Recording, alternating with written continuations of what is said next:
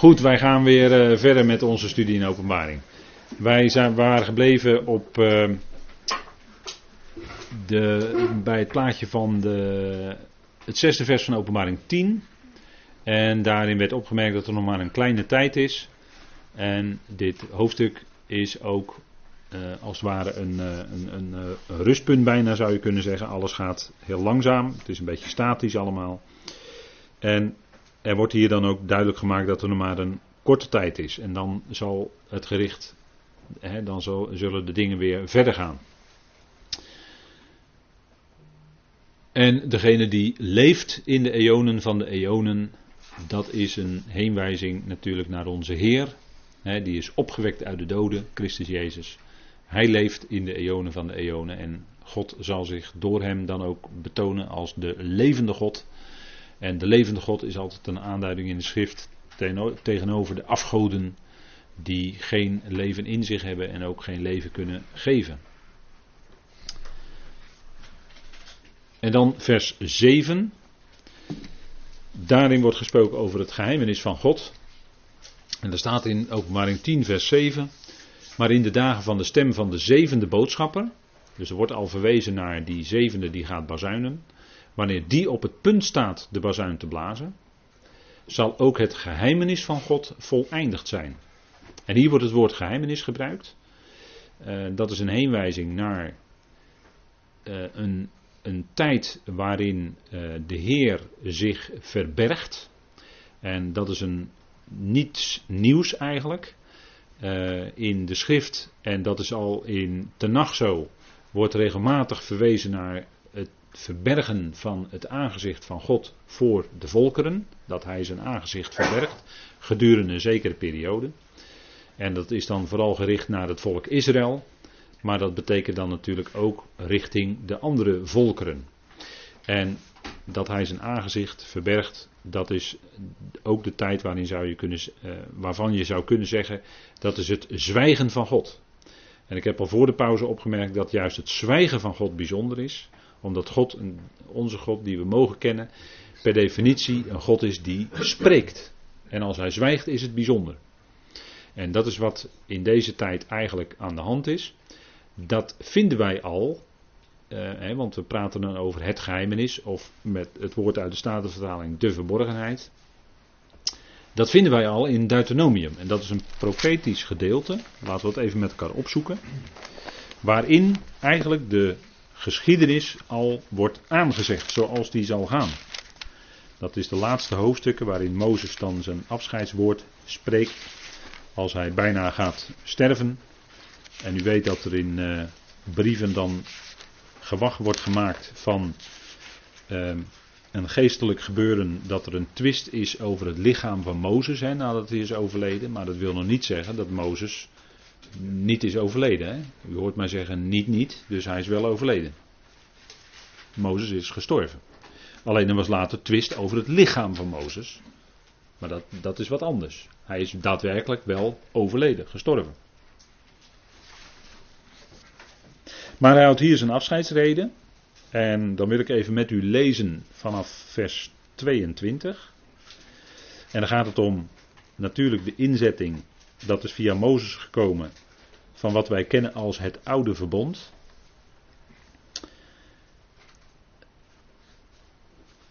En zij moesten zich houden aan dat verbond. En zouden zij dat niet doen, zouden zij dat wel doen, dan zouden ze de zegen ontvangen. En zouden ze het niet doen, dan zouden ze de vervloekingen die uitgesproken waren in de boeken over hen komen. En zo is het ook gebeurd.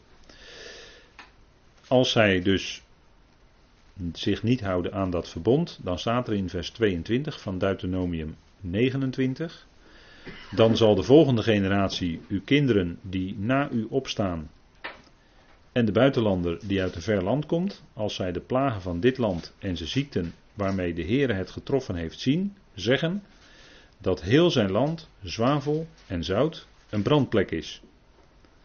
Dat het niet wordt bezaaid, er niets op groeit en er geen enkel gewas opkomt, zoals bij de omkering van Sodom en Gomorra, Adama en Zeboim, die de Heere omgekeerd heeft in zijn verontwaardiging en in zijn grimmigheid.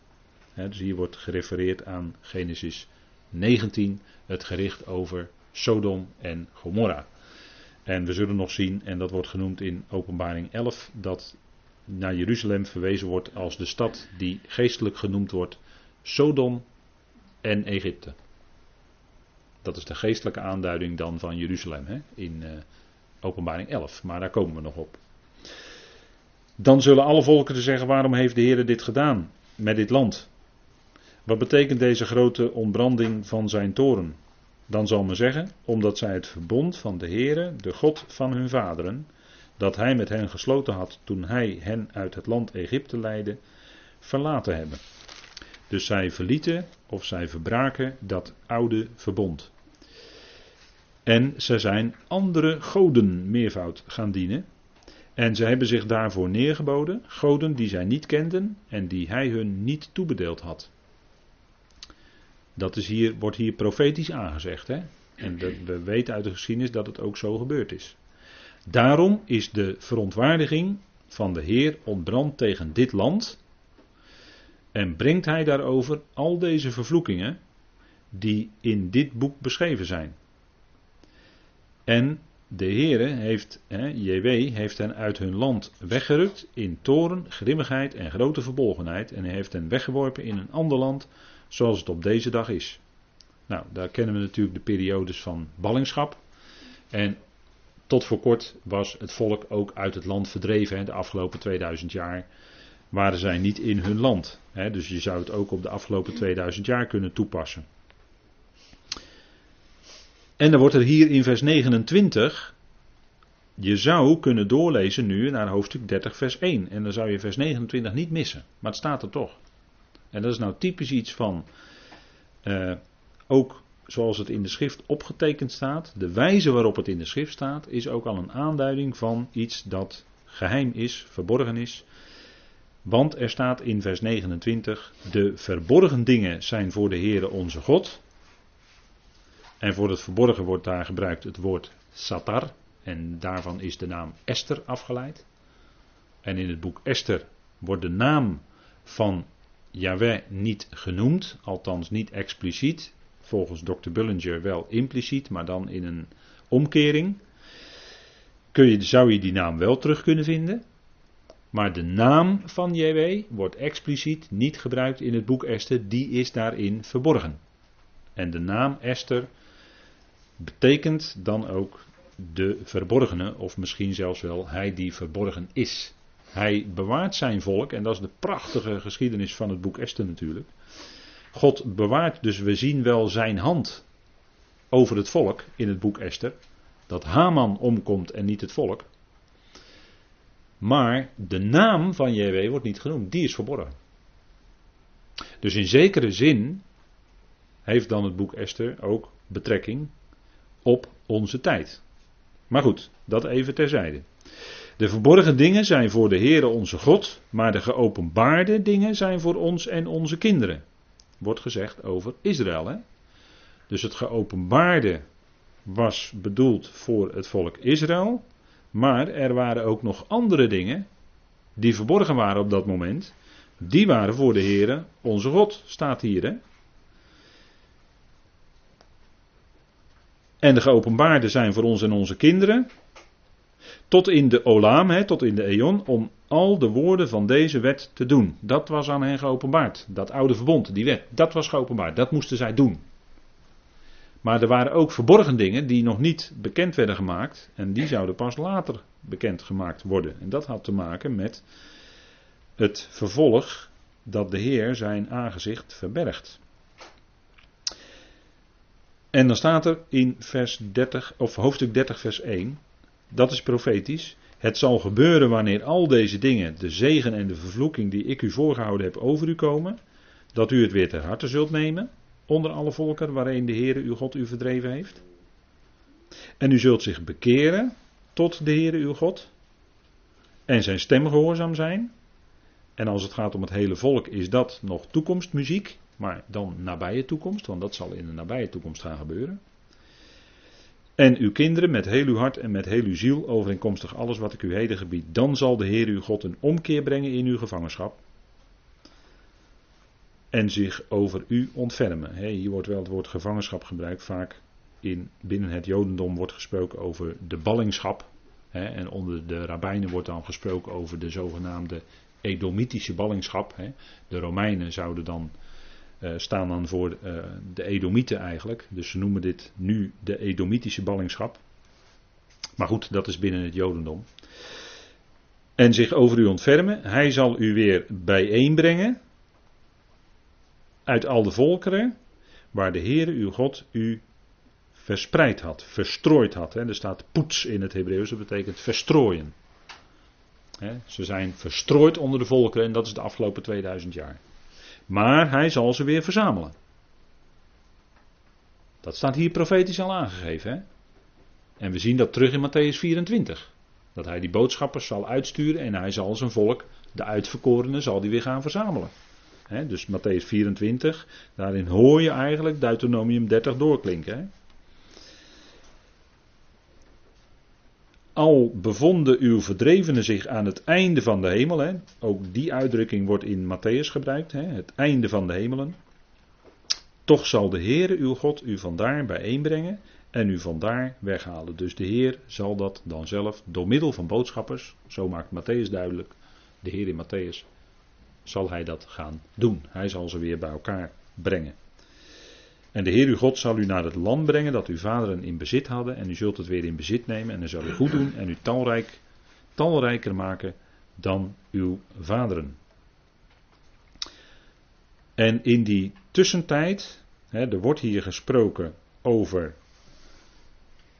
in vers 29, over verborgen dingen. Dat is die tussentijd waarin Israël in ballingschap is. En wat in de schrift dan aangeduid wordt als of wat je kunt samenvatten onder de term het geheimenis. En dan gaan we daar nog even iets verder op in, om dit punt even voor u iets verder te verduidelijken, wat in deze tijd aan de hand is. Toen de Heer kwam te midden van zijn volk, kwam hij als de aangekondigde Messias, koning. Hij zou koning zijn en hij zou, omdat hij alle rechten had, als zoon van Adam, als zoon van Abraham, als zoon van David, zou hij dat koninkrijk kunnen gaan oprichten. Hij predikte dan ook in navolging van Johannes de Doper: bekeer je, keer je om, of uh, verandering van denken, hè, dat is eigenlijk uh, het begrip bekeren, metanoia. Uh, keer je om, want het koninkrijk van de hemelen is nabijgekomen. En naar de tijd gerekend vanuit Daniel was dat ook zo. Die 69 jaarweken van Daniel, die waren bijna om. Dus naar de tijd gerekend was het ook exact aan de hand. Dus het koninkrijk stond op het punt om geopenbaard te worden. Maar het werd uitgesteld. Iedereen, hè, je zou denken, de gelovigen van Israël, die dachten, nu gaat het komen. De discipelen dachten dat ook. Maar het werd uitgesteld. En dat heeft te maken met het geheimenis of je zou het ook kunnen zeggen, de verborgenheid. En wat hebben we dan? In die periode hebben we de geheimenissen van het koninkrijk van de hemelen, zoals die staan in Matthäus 13. Dan krijg je het beheer van het geheimenis, waar Paulus over spreekt, Efeze 3, vers 9. Zullen we het even met elkaar lezen? Dat was aan Paulus gegeven, hè, het beheer van het geheimenis. Dat was dus een periode die in de schrift nou niet bepaald aan de oppervlakte lag, maar die verborgen was. En waar heel misschien in Deuteronomium 29, vers 29, dat het mede bedoeld werd. Dat zou kunnen. Maar dat weten wij pas achteraf. En er staat er in Efeze 3, vers 9. Dat was een opdracht van de apostel Paulus. En het merkwaardige is dat heel dat hoofdstuk 3 in Efeze ook als het ware een tussengeschoven hoofdstuk is. Het moet er staan. En het staat er, omdat dat uitdrukkelijk natuurlijk de bedoeling is, er worden hele belangrijke dingen in verteld. Alleen je zou kunnen doorlezen van Efeze 2 vers 22 in hoofdstuk 4 vers 1. En als je heel hoofdstuk 3 niet zou kennen, zou je het niet missen ook. Alleen het moet ertussen staan als weer die bekende tussengeschoven stuk, parenthese, hè, zeggen we dan, een, een, iets wat er tussen geplaatst is. Um, Efeze 3, want Paulus die gaat dan uh, bidden, hè, hij buigt zijn knieën. En aan het gebed begint hij pas echt in vers 14. Hij zegt ten behoeve hiervan in 3 vers 1. En dan in vers 14 ten behoeve hiervan buig ik mijn knieën. Dus hij wil eigenlijk zijn knieën al gaan buigen, maar dan heeft hij toch nog heel wat te zeggen. En pas in vers 14 gaat hij echt bidden. Maar dan zegt hij wel, Paulus, de gebondene van Christus Jezus. Dus hij was gebonden, hij was in gevangenschap. En daarmee was hij eigenlijk ook ontrokken aan de wereld. Was hij in feite ook iemand die verborgen zat in die gevangenis. Zelfs de plek waar hij was, was al, is ook een aanduiding van dat wat hij bekend mocht maken. En als je hoofdstuk 3 leest, met name dat eerste gedeelte, dan spreekt hij daar over het geheimenis dat aan hem bekendgemaakt is. Hij spreekt over het geheimenis van Christus, hè, over zijn inzicht in het geheimenis van Christus. Ja? Zijn inzicht in het geheimenis van Christus. En als ik u vraag, wat is het geheimenis van Christus? Wat zegt u dan? Wat is het geheimenis van Christus? Alles onder zijn voet. Alles onder zijn voet komt. Ja, we hebben het vanavond eigenlijk al besproken. Hè? Alles onder zijn voeten. Maar het bijzondere van Efeze is natuurlijk niet alleen wat op de aarde is, maar ook wat in de hemelen is. Dat is het bijzondere van de Efezebrief. Want dat geheimenis van Christus staat in hoofdstuk 1, vers 10 van de Efezebrief.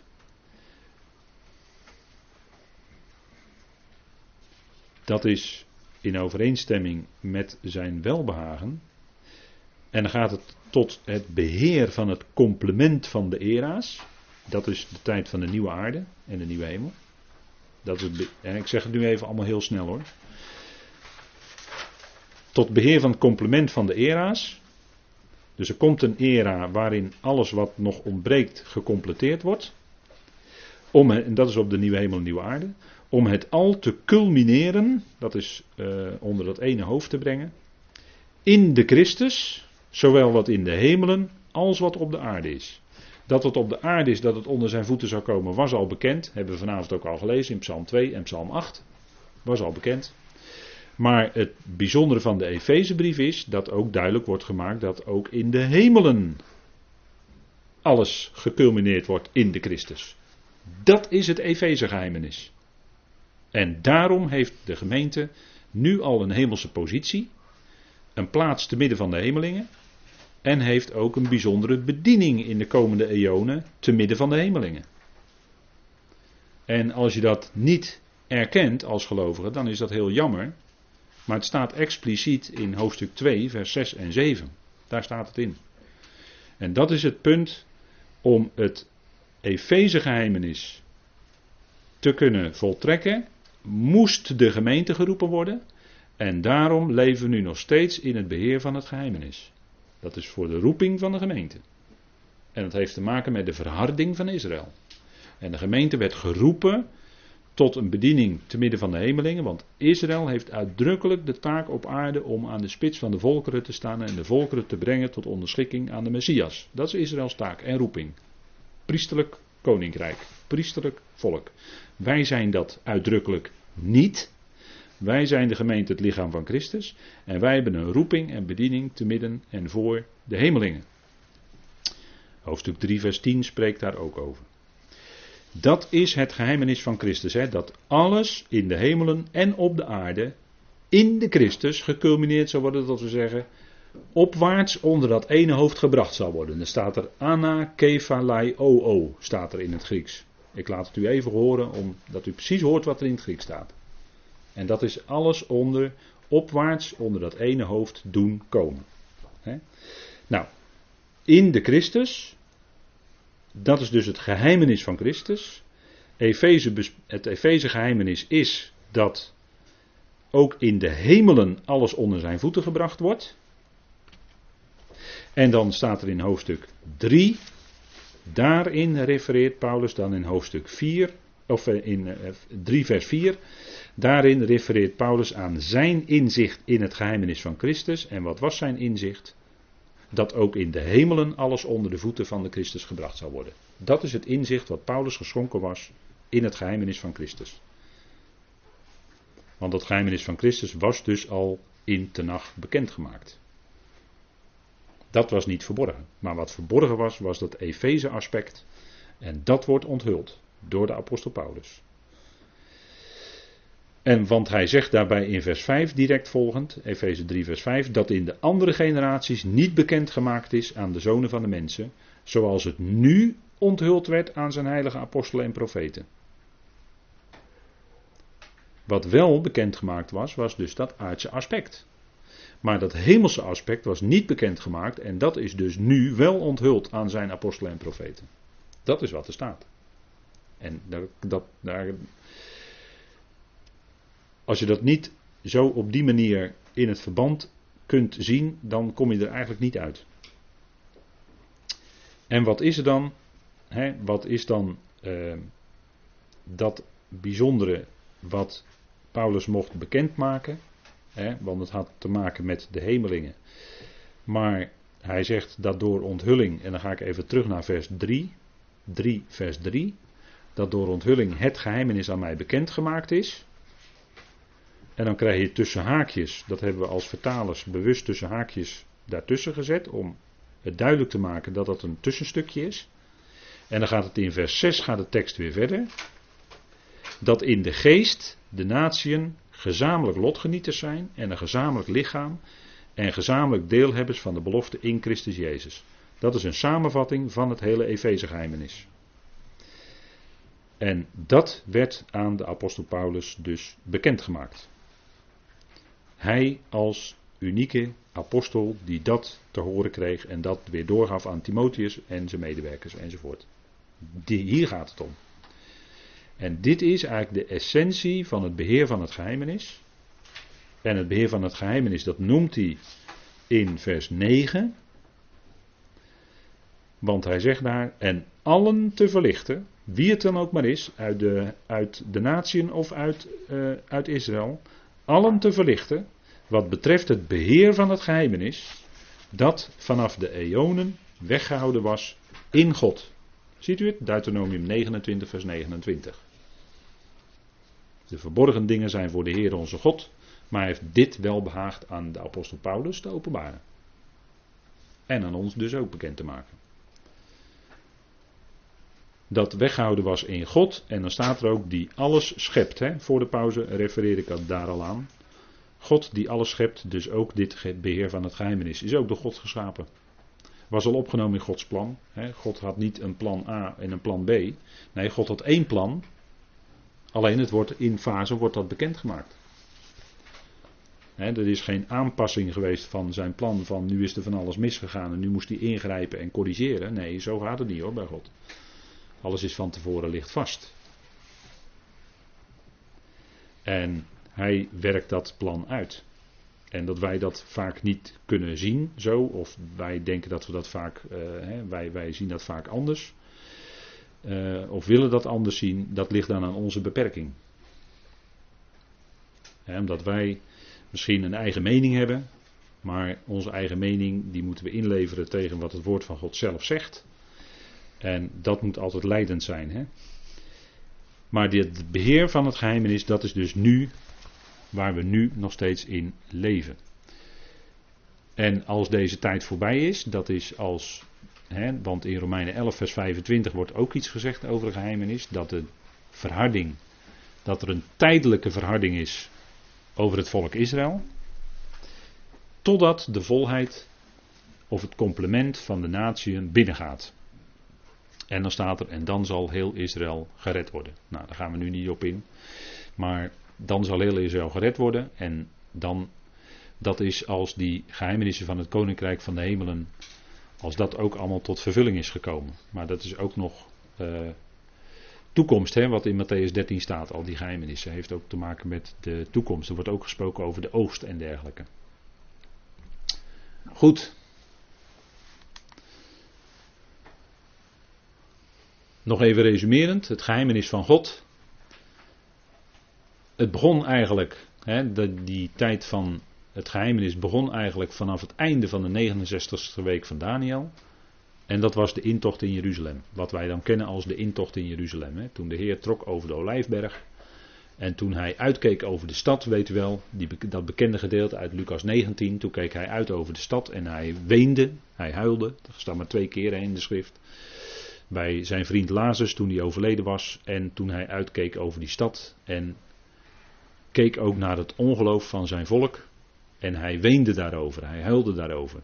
Dat was het einde van de 69ste week van Daniel. En toen begon die periode waarvan we zeggen, daarin spelen die geheimenissen een rol. Hè? Het geheimenis van God. En die periode die loopt tot aan de openbaring van Christus. En dat is aan het einde van de 70ste jaarweek van Daniel. In dat kader kunnen we ook wel begrijpen, want de discipelen die waren in verwarring. De Heer was opgestaan, maar hij had zich ook niet in het openbaar gemanifesteerd. Hè. leest u maar vanaf de opstanding tot, aan de hemelvaart.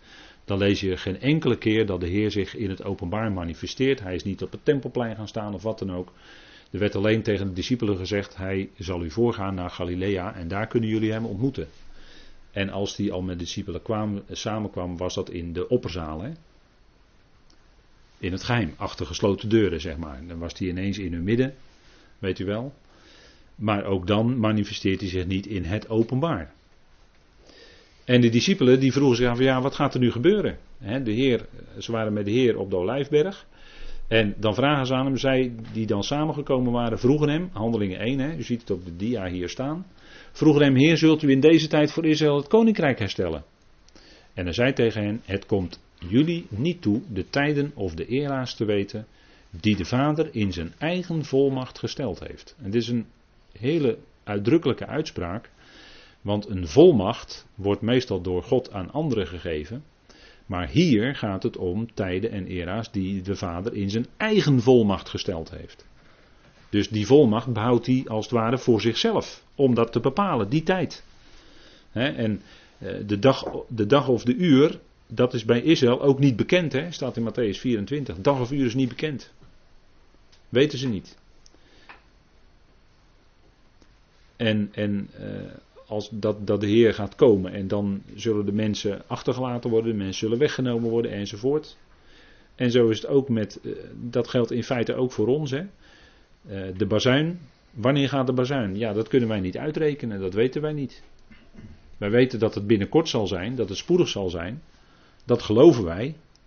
Maar we weten niet wanneer het is. En we kunnen dat niet uitrekenen. Zeker niet aan de hand van de tekenen aan zon, maan en sterren die aan Israël gegeven zijn.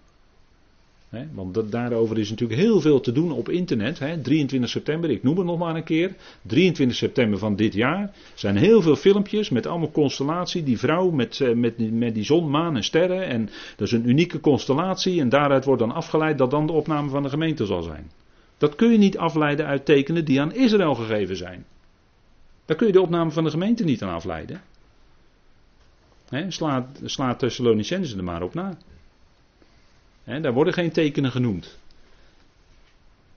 Het zal ineens zijn, onverwacht.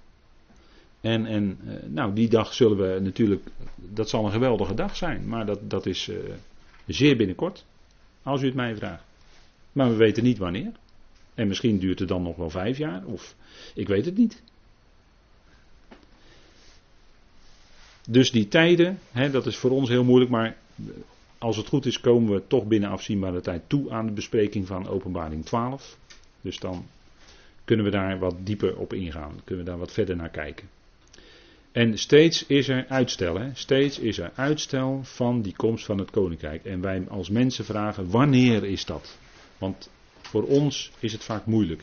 Wij zitten in onze beperktheid. Wij hebben te maken met lijden, met verdrukkingen, met moeite waar we door moeten. Het leven is meestal niet zo makkelijk.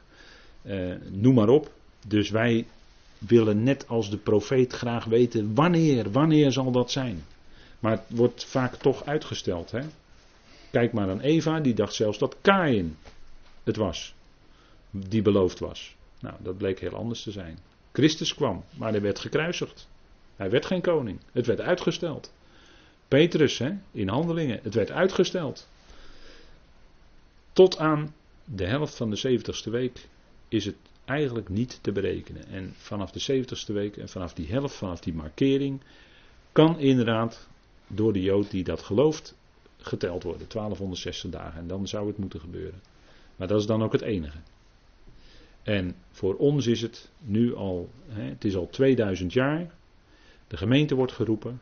En er komt een dag dat dat voorbij is, dat het voltooid is, die periode. En dan zal de Heer de bazuin steken. Goed, eh, het is de hoogste tijd, als het goed is. Dus ik stel voor dat wij met elkaar de Heer gaan danken. Vader, dank u wel dat we zo vanavond een moment bij elkaar konden zijn en met elkaar konden nadenken over deze dingen. De dingen die ons aangaan als het gaat om de bazuinvader.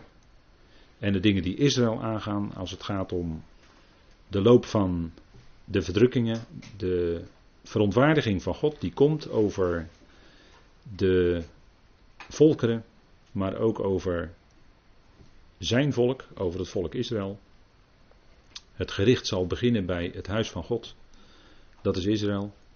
Vader, maar we weten dat u geweldige belofte aan dat volk heeft gegeven. Dat het een hele moeilijke periode zal zijn van grote verdrukking, benauwdheid van Jacob. Maar dat zij niettemin in dat koninkrijk weer aan de spits van de volkeren zullen staan. Want de genadegave en de roeping van u zijn onberouwelijk. U zal al uw beloften die u heeft gegeven aan dat volk, zult u vervullen. U zult met hen tot uw doel komen. Dat is altijd toch de hoop en de verwachting die er is. En die we ook mogen zien als we nadenken over en bidden voor dat volk. Vader, dank u wel dat u ze nabij bent, ook in deze tijd. En vader, het is moeilijk voor hen al zoveel jaar. Ze leven daar in dat land. Degenen die daar leven staan onder grote druk, spanning, Steeds een dreiging van oorlog en van haat om hen heen. Vader, we bidden voor dat volk, wilt u hen erbij zijn. En bijzonder hen die daar wonen en Jezus als hun Messias kennen. Vader, wilt u hen erbij zijn, we zijn met hen verbonden. En vader, we danken u dat u grote zegen heeft verbonden aan dat volk. En zij zullen ook tot zegenkanaal zijn voor de andere volkeren. Vader, dank u wel dat u in onze tijd, deze tijd, de gemeente roept. Wij mogen als leden van het lichaam ons geroepen weten. Vader, we hebben er vanavond weer iets over met elkaar gedeeld. Over dat geweldige wat we lezen in de Efezebrief. Vader, dat wij een roeping hebben boven te midden van de hemelingen en voor die hemelse machten en krachten.